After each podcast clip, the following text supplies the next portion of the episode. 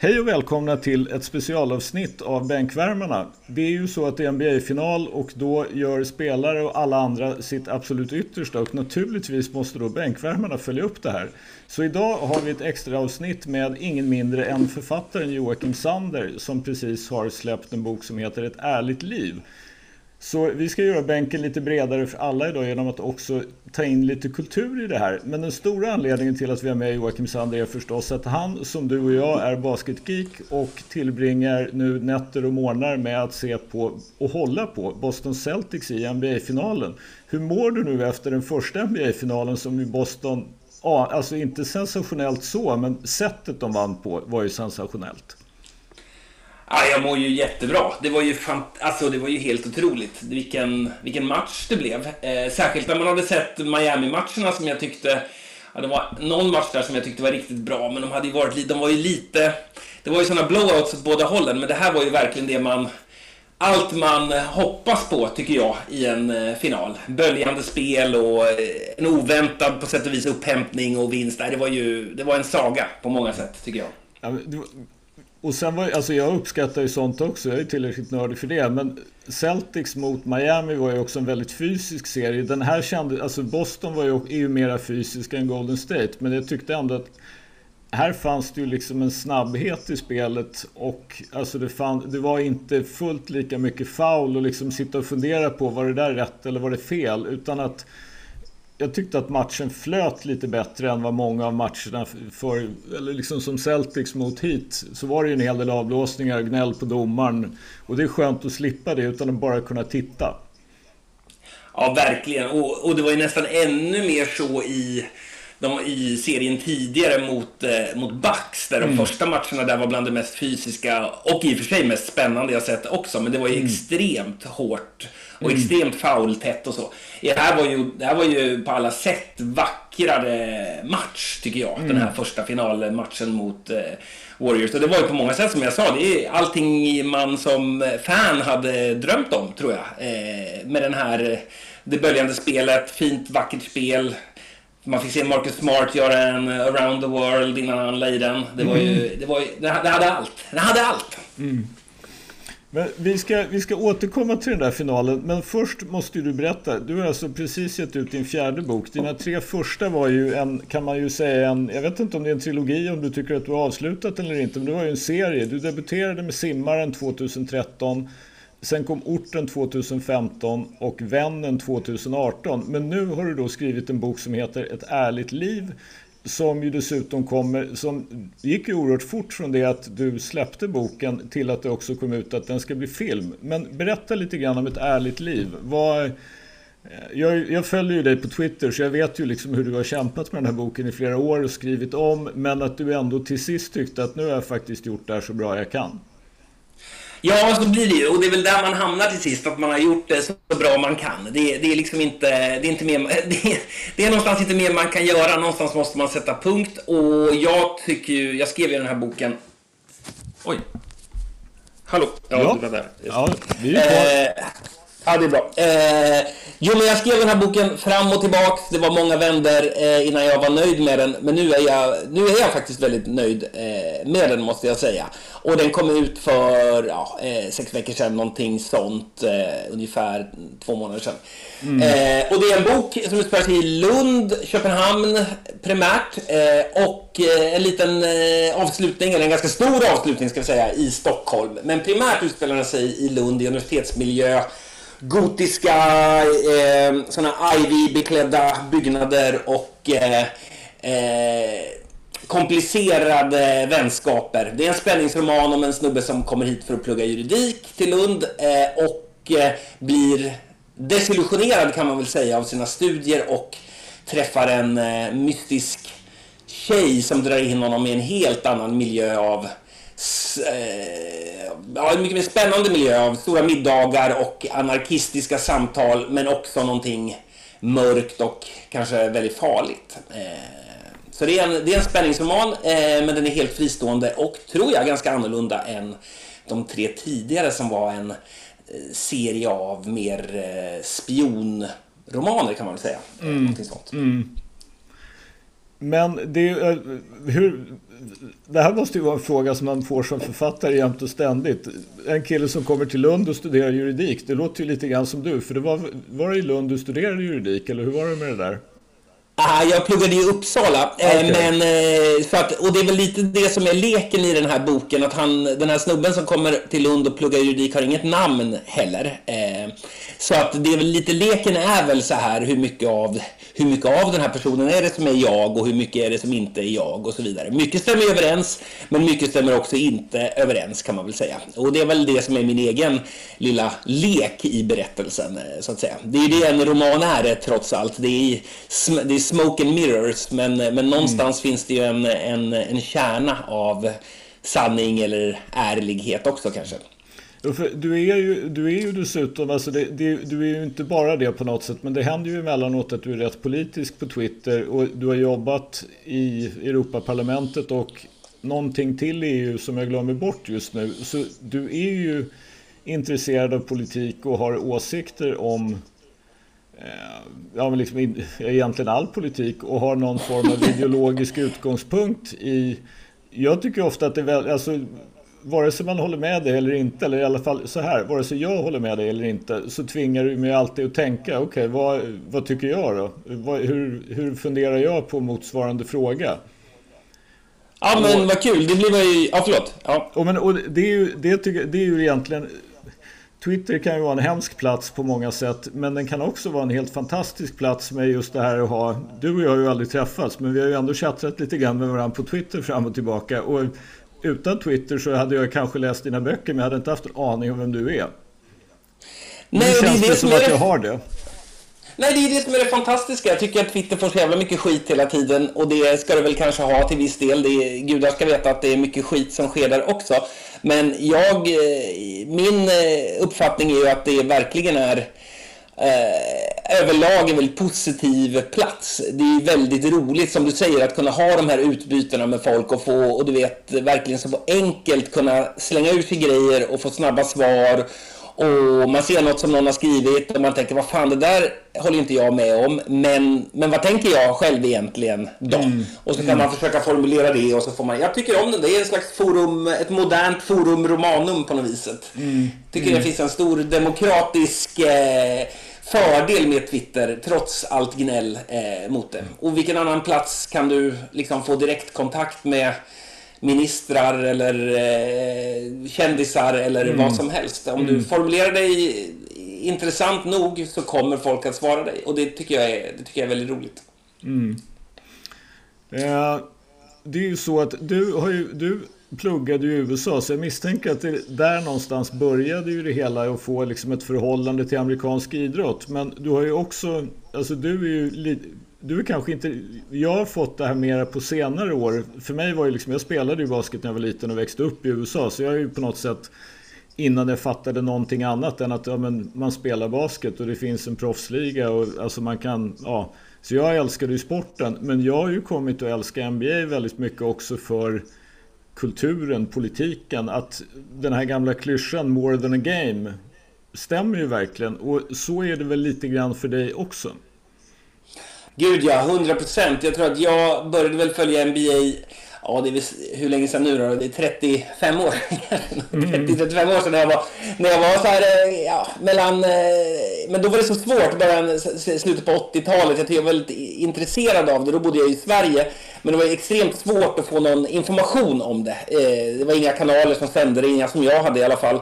Och det fanns, ingen, det fanns ju inga internet eller liksom så, så man fick försöka läsa om det och så vidare. Men, och jag spelade basket i Söder, i SBBK, Söderköpings basketbollklubb på den tiden. Det var en gammal, en gammal klassisk liten förening i, i Söderköping. Eh, och sen, åkte jag, eh, sen bodde jag utomlands i perioder och gick på amerikanska skolor och bodde i USA en period också på, eh, på, i, på high school. Och det var väl där som jag verkligen då gick loss på på, mm. eh, på NBA. Och då var, då var det, det var ju på den tidiga liksom, Jordan-eran kan man väl säga. Och det var spelare som Karl Malone och eh, det var hela den, hela den biten. Jag kommer gilla den.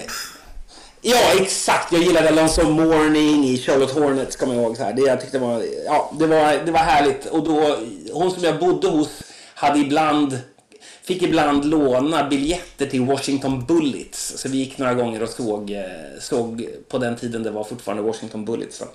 Eh, så det var väldigt kul. Och sen hängde jag i det där, men sen tappade jag basket under en lång period när jag bodde i, eh, hemma i Europa igen eh, och det var rätt svårt. Att, och sen så tappade jag bort det innan internet gav en på något vis möjligheter ordentligt att följa igen då. Eh, men sen var det inte förrän mina barn då för några år sedan som började spela basket, egentligen helt oavsett mig, som blev indragna i det och sen drog de tillbaks mig in i basketen för några år sedan och jag blev helt igen helt besatt, lika besatt som jag hade varit för 20 år tidigare eller vad man säger. Eh, men det, för mig är det verkligen hela den biten. Jag älskar sporten, tycker det är världens vackraste sport att titta på. Jag tycker om den här fantastiska eh, ja, att det, ja, min, vi såg, min son är tio år, Lukas, och han fastnade för basket då. Och så började vi kolla naturligtvis på den här eh, The Last Dance-dokumentären med Michael Jordan. Och vi började kolla på gamla clips med, med Jordan förstås. Och han satt med helt vidöppen mun. Han hade aldrig sett någonting liknande. Och han var väldigt tyst och det är han inte så ofta. Eh, och då sa jag så här, vad, vad är det? Sa han syrra till honom då. Så, och då tittade hon bara på honom och så, sa, och så sa hon, när jag blir stor ska jag också kunna flyga.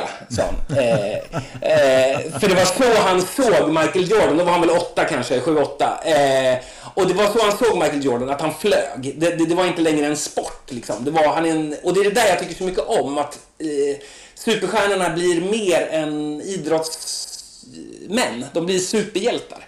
Eh, på något vis. De kan flyga. För ett kort ögonblick där ute på, på golvet så flyger de faktiskt. Och det är otroligt. Ja. Jag, jag, såg Michael Jordan någon gång hos Oprah Winfrey och hon, hon sa ju först någonting sån här om att liksom, ja, men allting är orättvist. Du är snygg och du gör hitan och ditan och du tjänar mer pengar än någon annan. Inte mer än dig svarade han ganska omgående.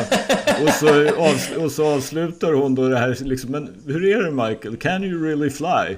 For a little while, svarade han. Det, ja, ja, det är ju fantastiskt fint. Det är ett fint ja. svar. Och det är ju, och det är ju sant. För ett, för ett kort ögonblick där mellan straff, straffkastlinjen och korgen så kan han ju faktiskt flyga. Det är, det, det, det är ju det han kan. Eller det är ju flera av dem som kan. Och nu har vi ju John Morant som kanske har en liknande känsla runt sig. Att han faktiskt upphäver tyngdlagen i, i ögonblick. Liksom så. Ja, det är fantastiskt. Ja, och sen har vi, vi jag älskar ju John Morant också. Det började ju egentligen lite grann med att jag av någon anledning fastnade för Dylan Brooks. Men när John Morant spelar, då tittar man på honom. Det, det går ju inte att göra något annat. Nej, han suger ju, suger ju eh, luften ur rummet. Det är bara han, det är bara han som existerar. Det är, det är en fantastisk, fantastisk eh, spelare. Jag ser fram emot att, så här, en ynnest att få se vad han kan uträtta när han är så ung också fortfarande. Mm. Men om vi, går, om vi återvänder lite grann till det här med Boston Celtics. När, alltså, de började ju säsongen ganska dåligt. Ny coach i Udoka och de var 16-19 någonstans runt jul där. Jag kommer inte ihåg. Och sen då... Någonting hände ju. Där de det med idag. The energy is about to shift, skrev ju Jalen Brown på Twitter tror jag. Eh, han, och, och sen gjorde den ju verkligen det. Energin ändrades eh, egentligen över natt där. Det var ju en trade deadline som gick eh, väldigt bra eh, för eh, Celtics. Framförallt tror jag att de blev av med ett par spelare som tyngde ner deras roster eh, en del. Att eh, de hade ju eh, Schroeder till exempel som inte var kanske den bästa pjäsen just då. De blev av med några andra.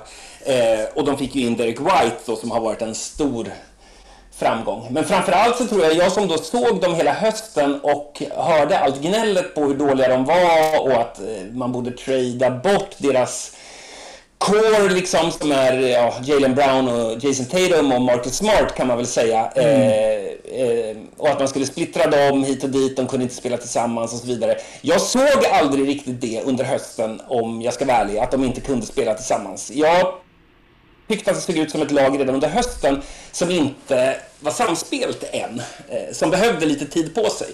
Eh, och det är ju det fantastiska med NBA och den långa basketsäsongen, att den är en förlåtande säsong. Den ger ett lag en chans att spela ihop sig om det är det man behöver. Mm, mm. Och sen tror jag med den trade deadlinen man blev av med några eh, svårplacerade spelare och fick in eh, eh ja, bland annat Derek White då, och det blev en, eh, det blev en stor, eh, stor förändring. Eh, och det, jag tror man gick, var det 11 matchers win streak där i januari, februari, eh, något sånt. Någonting sånt. Och, och då visste man väl att nu kommer ju det här, nu ser ju det här helt annorlunda ut. Eh, så. så jag tror att de, jag tror, eh, efter att ha sett dem hela hösten också, så tror jag att de fick, eh, att de tradade var en sak, men framför allt så tror jag att de fick den där tiden att hitta sina, hitta sina roller så att man la väldigt mycket ansvar på Jason Tatum, Jalen Brown försökte ta en del av det ansvaret, men det blev väldigt mycket de två som skulle spela liksom isolation basket någonstans. Mm. Mm. Och när man gav upp det och istället började utveckla spelet och involvera de andra spelarna eh, fullt ut så blev det ju en helt annan, en helt annan sak. Och det är väl det vi ser frukten av nu, eh, tänker jag. för jag kommer ihåg att alltså, jag noterade ju att, ja, men okej, nu, nu, för jag tyckte ju, så här dåliga är de inte. De ska inte kunna ligga liksom 16-19. De ska ju vara top, åtminstone topp 3, kanske topp 4 i East. Och sen så noterade jag då att, ja, men okej, nu händer det någonting. Och sen så, jag följer den här sajten 538, 538, som ju kanske mest blev känt från början för att de har Nate Silver som var väldigt bra på att göra valförutsägelser, alltså amerikanska val. Just det. Och de, de ägnar sig väldigt mycket åt datajournalistik. Men, och då, alltså när Boston när de lite grann hade börjat röra på sig. Så de gör ju såna här hela tiden uppdateringar om ja, men vilka tror vi går till final, vilka tror vi vinner och vad har vi för värden då liksom på laget. Och då helt plötsligt, jag tror alltså att möjligen var väl Boston liksom några matcher bättre än 500. Att de kanske var, vad kan de ha varit? 25-22 eller något sånt där, 26-21 eller vad det nu kan ha varit. Och då säger helt plötsligt 538 att liksom, men de, det här är vår favorit till att vinna NBA-titeln och det är de som kommer att gå till final. Och jag skickade det här till gruppchatten. Vad ser 538 som inte vi har sett än? Och de andra liksom, ja men fan det där är ju avancerad statistik liksom. Det är inte säkert att de ser någonting, men det gjorde de ju uppenbarligen. Alltså de, ja, det gjorde de ju. Jag menar, de var långt före alla andra som jag såg. Sen började ju förstås då folk liksom uppmärksamma det här att, men jag menar, det gick ju, egentligen gick det ju bara på en månad när väldigt, väldigt många amerikanska alltså poddar och eh, skribenter och sajter. Ju, hur, vem ska man trada Jason Tatum och Jalen Brown? Och ja, det måste ju bli Jalen Brown för man tradar inte Jason Tatum. Och jag vet att jag alltid tänkte liksom, men hela NBA skriker efter stora atletiska tvåvägsvingar. Och det här är två av, liksom, ja inte vet jag, om man ska säga åtta bästa eller fem bästa eller sju bästa. Varför skulle du göra dig av med dem? Du kan inte få tillbaka någonting som är lika bra. Nej, det är svårt att se det. Liksom, att, och, och, när du har två stycken som är så pass nära varandra i eh, kvalitet, skulle jag säga. Det är ofta mycket, mycket snack om Jason Tatum och han är ju, han är ju en, eh, en makalös spelare. Men jag, jag har ju alltid varit team Jalen någonstans. så jag har ju alltid tyckt att han dels är en... Eh, en, en otroligt karismatisk spelartyp och person vilket gör att man, är, man, vill, man vill heja på honom på något vis. Men också eh, så har jag ju sett mer och mer att han eh, Jason går ju i, små, i vågor. Han har vågor av, av matcher när han är, han är ostoppbar. När han har liksom, han gör mellan 35 och 50 poäng i, i ett gäng matcher. Men sen går han ner i vågor när han har kanske, ja, som nu, som nu i senaste finalmatchen, 12 poäng. Och, nu var han i och för sig väldigt effektiv på andra sätt i den matchen.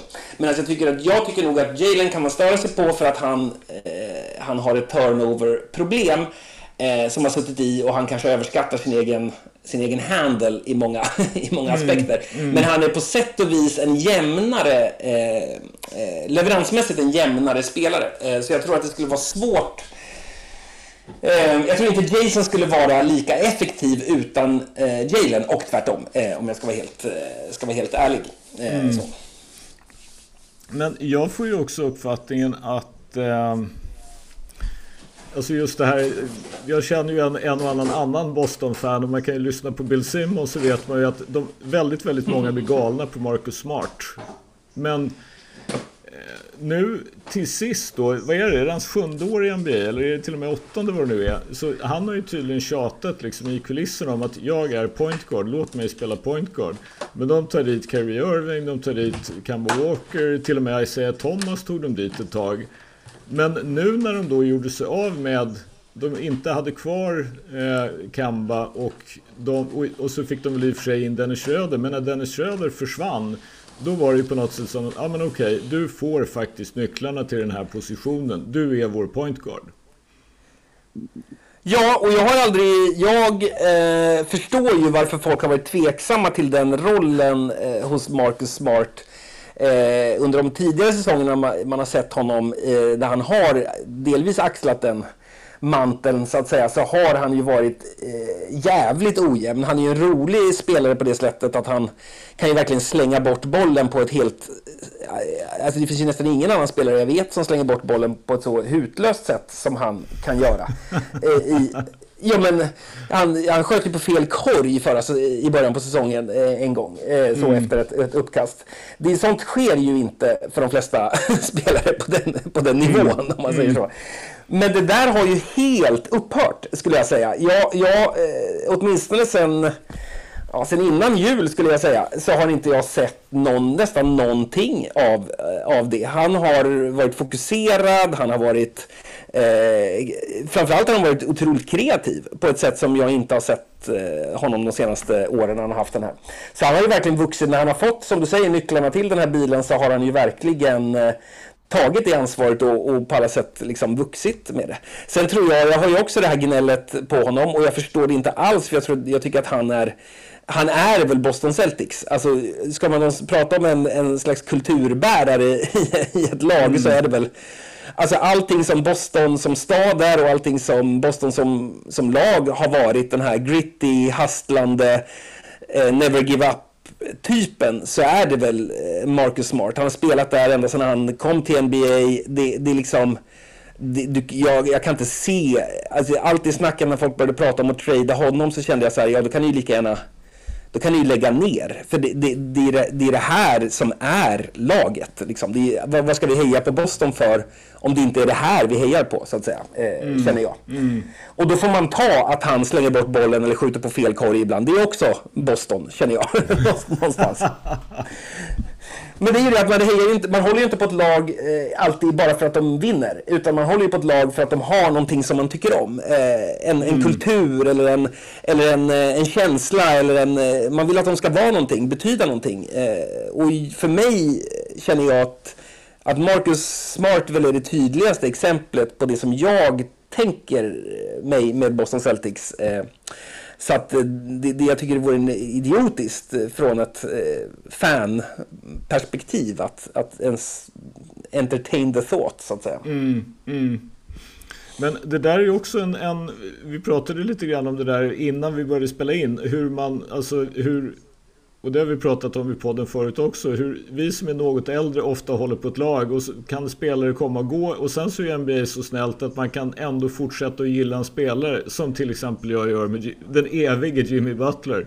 Men många, av de, många i den yngre generationen fastnar ju för en spelare och sen följer de egentligen den spelaren. Det spelar ingen roll vilket lag han spelar för. Och det är ju lite roligt där, för det finns ju ett gammalt amerikanskt talesätt som fan att We don't want to root for laundry, alltså vi vill inte hålla på smutstvätt. Det är inte bara tröjan, utan det som finns i tröjan betyder någonting. Och ja, det är ju, gud! Det är ju precis där, alltså för det är ju samma för mig. Jag menar, jag har ju haft ett, jag har haft ett antal år där jag faktiskt, när Bulls har varit så bedrövliga och management har varit hemska, så har det känts, varför, varför ägnar jag mig åt det här? Det här är ju som att hålla på smutstvätt. Men det är alltid någon spelare som man, får man bara, alltså även om de inte är liksom några superstjärnor, så man hittar alltid något förlåtande hos någon som man fastnar för. Att det här, och jag hade ju som sagt bland annat Jimmy Butler under ett antal år, även när, när Bulls inte var särskilt bra. Och sen så har jag varit väldigt lycklig den här säsongen och när de plötsligt kommer tillbaka och är liksom lite relevanta och man ser DeMar DeRozan har ju sett lite grann förut men inte så här mycket och jag har ju aldrig tyckt om honom så mycket som jag gör just nu. Nej, det förstår jag och han har ju haft en fantastisk säsong så det är ju det är klart. Han har väl varit och de, och de har ju jag tror Bulls är väl mitt i en slags renässans dessutom. Så det, det, det, där kommer vi nog få se en hel del från dem de senaste... Nu har inte jag sett så himla många matcher eh, i år, ska, i ärlighetens namn med dem. Men, men, det verkar, ja, men DeRozan ser man ju hela tiden. Och det, mm. jag tycker det verkar, mm. det verkar, vara, verkar ju som att någonting är, är på väg där, eh, där också, eh, faktiskt. Jo, man, man, man får ju hoppas på det. Men om vi återgår en gång till då till den här finalen. När vi spelar in det här så är det alltså söndag eftermiddag och eh, andra matchen i San Francisco börjar, visst är det väl i natt någon gång? Eller nej, det är imorgon natt, imorgon natt va? Nej, det är väl i natt? Nej, det är i natt, eller hur? Ja, precis, det är i natt. Det är, final två ja. är i natt. Vad, liksom, vad, vad, tror du händer här? Vad händer nu i, i, i den andra matchen? Ja, det är, det, är, det är ju det man... Det skulle man vilja kunna svara på. Mm. Jag tror ju att, jag tror inte att det kommer bli olikt den första matchen. Eh, faktiskt. Jag tror vi kommer se en ungefär likartad, likartad, eh, likartad sekvens i den här matchen. För jag tycker ändå att båda lagen såg ut som att de eh, spelade det spelet som vi har sett dem spela under året. Eh, någonstans. Mm. Båda spelade played to type på något sätt. Jag kände igen verkligen att det här är det Boston jag har sett hela lagen och de matcher, eller hela året och de matcherna jag har sett med Golden State. Ja, det är så här de spelar. Eh, särskilt i första kvarten var det ju väldigt tydligt när eh, när Curry hade en så otroligt framträdande mm. roll där med sina, vad det nu var, 21 poäng i första kvarten. Ja, precis. 6 3 och 21 poäng på 12 minuter. Nej, det var ju helt sinnessjukt. Det var, det var ju, eh, samtidigt så blev jag ju glad, jag som Boston-fan blev ändå glad att se det. För att det är det här man vill se i en final. Jag vill ju se, jag vill ju se Steph Curry göra det här i en final. Mm. Det, det är mm. såklart. Eh, sen blev ju min, min son som är en, en, en, mycket, mer, en mycket bättre, har ett mycket bättre basketöga än jag sa så här, varför går de på de där screensen gång efter gång efter gång? Och det hade han ju helt rätt i. Det, de, och sen hittade de ju en, en liten lösning på det där eh, under resten av matchen. Och sen kom ju förstås Golden State ut i tredje kvarten som de ju alltid gör och mm. var eh, ostoppbara. Eh, och jag tror att vi kommer nog, alltså min gissning är att vi kommer få se något liknande i den här matchen. Att Curry kommer komma ut het som en stekpanna och sen kommer väl Boston äta sig in i matchen och sen så kommer Golden State komma ut i tredje och vara tuffa som fasen och sen så kommer det hänga på vad som händer i den fjärde helt enkelt. Eller jag vet inte, vad tror du? Jo, men jag tror, alltså, jag tror något liknande. Det, det som, alltså, I någon mening var det en lite konstig match just det här att den svängde så pass mycket fram och tillbaka. Men alltså, jag tror att båda lagen intalar sig att men, på något sätt så men, vi gjorde det vi ska i någon mening. Medan då förstås Golden State kommer att tycka att vi måste göra det bättre i, i fjärde. Men de kommer att intala sig att, tror jag i alla fall, att alltså Horford och Smart och Derek White kommer inte att sänka alla de där treorna en gång till. Samtidigt då så kommer ju förmodligen Jason Tatum och Jalen Brown inte att skjuta så dåligt från golvet. Nu gjorde ju Jason Tatum en massa annan nytta och på något paradoxalt sätt så tror jag det här att alltså Boston är bättre när han har 13 assist än när han har 40 poäng. Ja, det är intressant att du säger det. Då, då går bollen. Ja. Fler ja, involverade. Det alltså det, det, sen kanske han då behöver, eller liksom, han ska inte vara 3 för 17 från golvet för att det ska vara optimalt. Men alltså att han, han, att han utnyttjar det här, han, där ju han har tagit sitt stora kliv i att vara en spelare som kan öppna för andra. För det tror Nej, jag att, alltså, jag tror att Golden State har svårt att försvara. De har egentligen svårare att försvara mot när många är involverade än om det bara är Tatum och Brown. Tatum och Brown kan de lösa. Utan det är ju det här när, när bollen går. För även om man kan tycka att ja, men det är inte vanligt att du sätter 9 av 12 treor. Jag kommer inte ihåg att en enda trea som Boston tog i fjärde kvarten var någonting annat än i princip öppen. Och då är det kanske inte så konstigt att fler än vanligt går i. Alltså de, det var ju bara en massa bra skott. Ja, så såg det ju ut. Och jag tror det, det du säger det där att, eh, att Tatum eh, är bäst när han, när han inte skjuter bra, eller vad man ska säga. Mm. Eh, jag, jag, tror, jag har inte kollat det, men jag skulle gissa att om du kollar statistiken på matchen när Tatum har 10 plus assists, eller 8 plus assists kanske, mm. så kommer du se att det, är, att det är matcher där, där Celtics har gått gissar jag, eh, segrande eller åtminstone gjort väldigt bra ifrån sig. Mm. För det är, det är ju det som, det, och jag tror att det, det är också en av de stora nycklarna som vi pratade om i början här om varför det har blivit så mycket bättre efter efter nyår. Eh, och där är ju den stora grejen är ju där att de, har, att de flyttar boll. Liksom. Och, det är ju, och där är ju, där är ju Tatum ett jätte... Att han, har, att han har insett att det är en av hans stora eh, fördelar, att han kan göra det, det, är ju, eh, det har ju varit en jättestor eh, anledning till att det har gått, att de är här idag. Och sen är ju den andra, den andra eh, saken är ju det att de har ju, de har så hög kvalitet rakt igenom laget. Som du sa också, att du kan, om du, om de, du kan stänga ner Jalen och Jason, men vi har ju sett här under hela slutspelserien att lag har gjort det hit och dit, har lyckats med det, men då har Al Horford klivit fram, då har till och med Pritchard klivit mm. fram, då har Grant Williams klivit fram. Det finns andra som kan, eh, som Derek White har klivit fram, det, finns, det kommer alltid någon det har alltid kommit någon ny, någon annan som då outperformar i, när, när eh, superstjärnorna eh, stängs ner. Och det tror jag inte alla lag som har den, det djupet i, i laget så att säga. Mm. Men det är roligt det där, för jag kommer ju väl ihåg när, alltså det blev ju något sånt här liv om, det var ju när det fortfarande inte gick så bra för Boston så kallade ju Midoka, coachen, kallade ju ut dem för just det här att ni flyttar inte på bollen och Marcus Smart stämde ju in i det här, ja, men ni måste flytta på bollen och det var ju riktat till Jason Tatum och det var riktat till Jalen Brown. Och då var det ju många som liksom, ja men här kommer en rookie-coach och säger åt då liksom lagets två superstjärnor att det ni gör är inte tillräckligt bra. Det här kommer inte att sluta lyckligt. Men på något sätt verkar det ju som att för det första då att de accepterade att ja, men Judoka och i någon mening smart har rätt. Alltså vi behöver flytta bollen mer. Och nu känns det ju som att Udoka är... Alltså de har accepterat att ja, men han, det är absolut no bullshit med honom. Han säger vad han tycker och han kommer att säga det till dig och han kommer att säga det även till media. Och så sitter han på en presskonferens och säger men jag säger ju ingenting till dig som jag inte redan har talat om för mina spelare. Det kommer inte som någon överraskning för dem. Jag sa det till spelarna först. Så han, han står ju ut Nej, på det precis, sättet det, som coach. Äh, Nej men verkligen, och, och, jag, och, det verkar också som att, det har, att han kan göra det därför att han har på något vis etablerat den typen av ledarskap eh, i gruppen.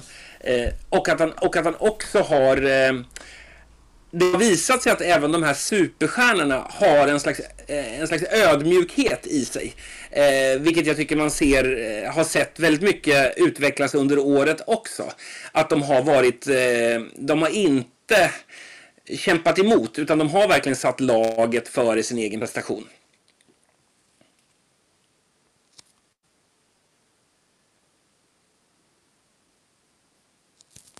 Hallå? Det ska bli Hallå? otroligt spännande att Oj. se final 2 resten också. Men jag tänkte om vi, vi nu när vi ändå har då så att säga kultur och idrott har ju i Sverige något konstigt motsatsförhållande. Det brukar ofta vara att de, man inbillar sig att de slåss om samma pengar och uppmärksamhet och allt. Jag älskar ju både kultur och basket men om vi var en sak som jag tänkte på med NBA som jag älskade det var när de var i bubblan. Så var det ju då, alltså det var ju mitt under Black Lives Matter-rörelsen. Och det jag gillade med NBA var ju då också att här fanns det ju en massa ägare och alltså hela NBA som institution och organisation insåg att spelarna har rätt. Så det, alltså alla hade tröjor med Black Lives Matter, det stod Black Lives Matter på golvet. Alltså här såg man ju ett skifte i eh, en organisation som tar, sen kan man ju säga då liksom att ja, de är beroende av Kina och det är kanske inte så jätteroligt att man tar in en massa pengar men de stod ju upp lite grann mot Kina också. Alltså jag gillar att NBA har är en organisation som vill stå för någonting. Vad känner du?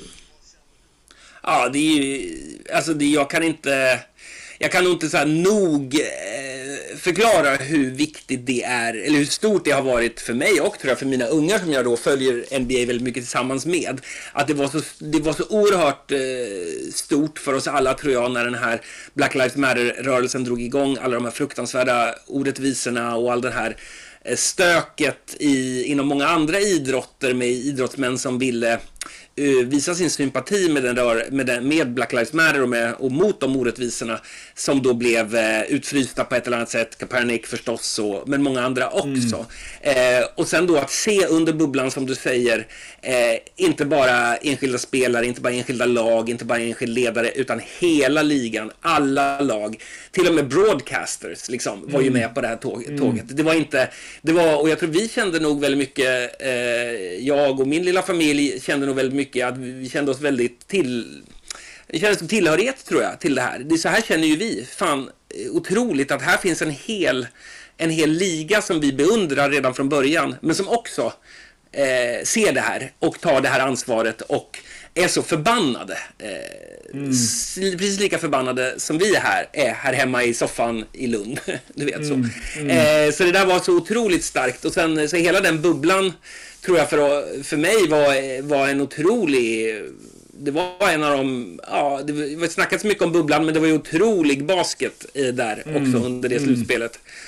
Eh, jag tycker att det var en av de, ja, på, om man väger in allting då med hela den Black Lives Matter och hela den styrkan och så var det pandemin och allt det där. Det var, eh, jag tror att det var en av de starkaste idrottsupplevelser jag kan minnas, den, eh, den eh, det slutspelet. Det, jag tycker det var, det var fantastiskt på, alla, på precis alla sätt. Ja, men jag minns också, alltså det bör, för oss, alltså för det första så utan pandemin är det väl oklart om vi hade haft någon bänkvärmarna överhuvudtaget. Det är ju svårt att föreställa sig en, en värld utan bänkvärmarna förstås. Men utan pandemin är det ju oklart.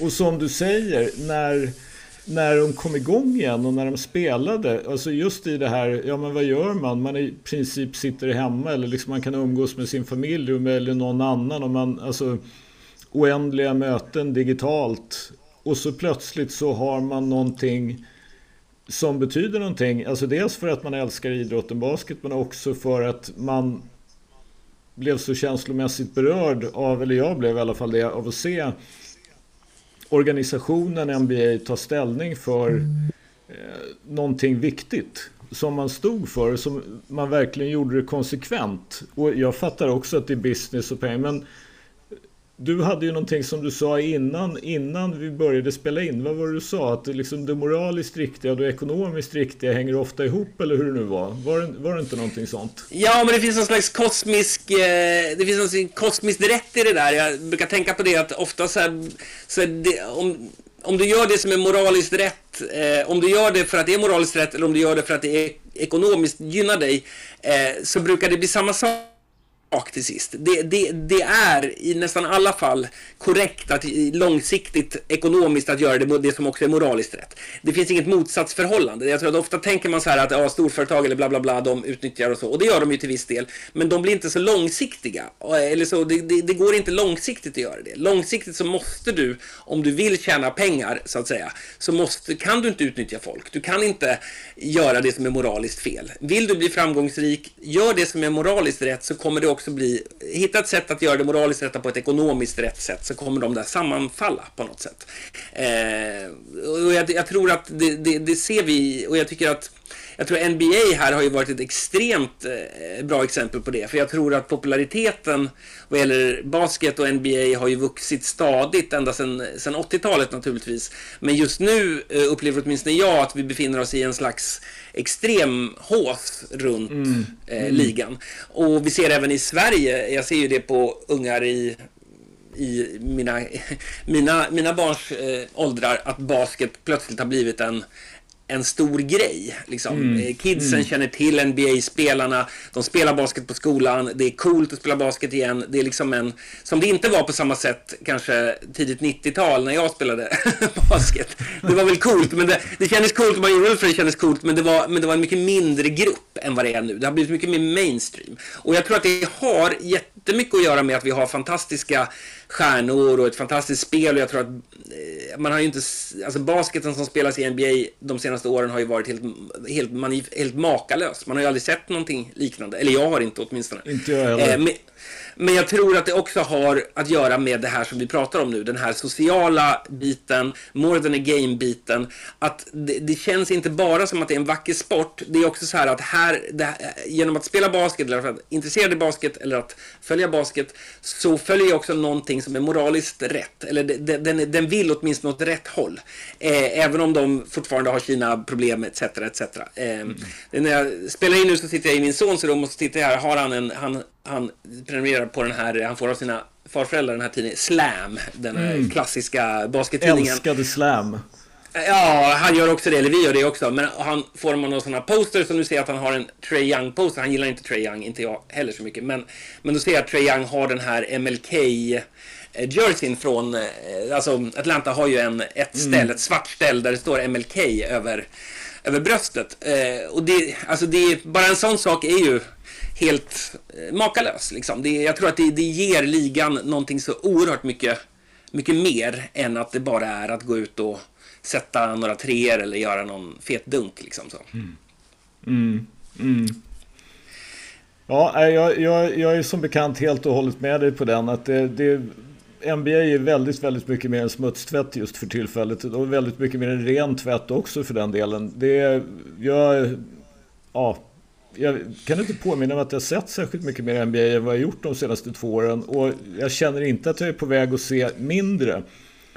Eh, det är faktiskt helt underbart att kolla på NBA. Det ska bli otroligt roligt att se Game 2. Och det ska också bli otroligt roligt att, hur lång tid kan det ta? Ett och ett halvt, två år eller sånt där? Är filmen klar sen, Ett ärligt liv?